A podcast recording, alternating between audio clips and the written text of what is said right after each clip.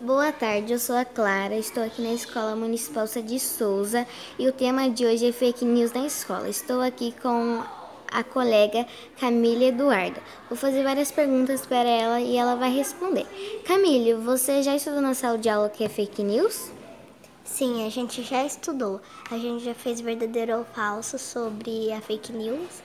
A gente já conheceu uma rede de televisão. A gente perguntou bastante sobre a sobre o fake news.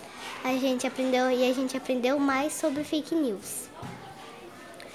E é, depois quando você chegar na escola, o que, que vocês fizeram da fake news? A gente perguntou uh, para as pessoas, a gente fez uma fake news sobre o a gente falou que vai ter 40 minutos o recreio e todo mundo uh, não perguntou, só fui eu e mais uma menina que perguntou para as inspetoras. Então chegamos na conclusão que a maioria das crianças tem que estudar mais sobre fake news, porque foi soltada por crianças, mas até por adultos. Mas sempre tem, tem as crianças têm que saber que é fake news. Sim, eu também acho que sim. Uh, elas têm que melhorar, uh, igual a gente já chegou, a gente tentou e hoje a gente está assim.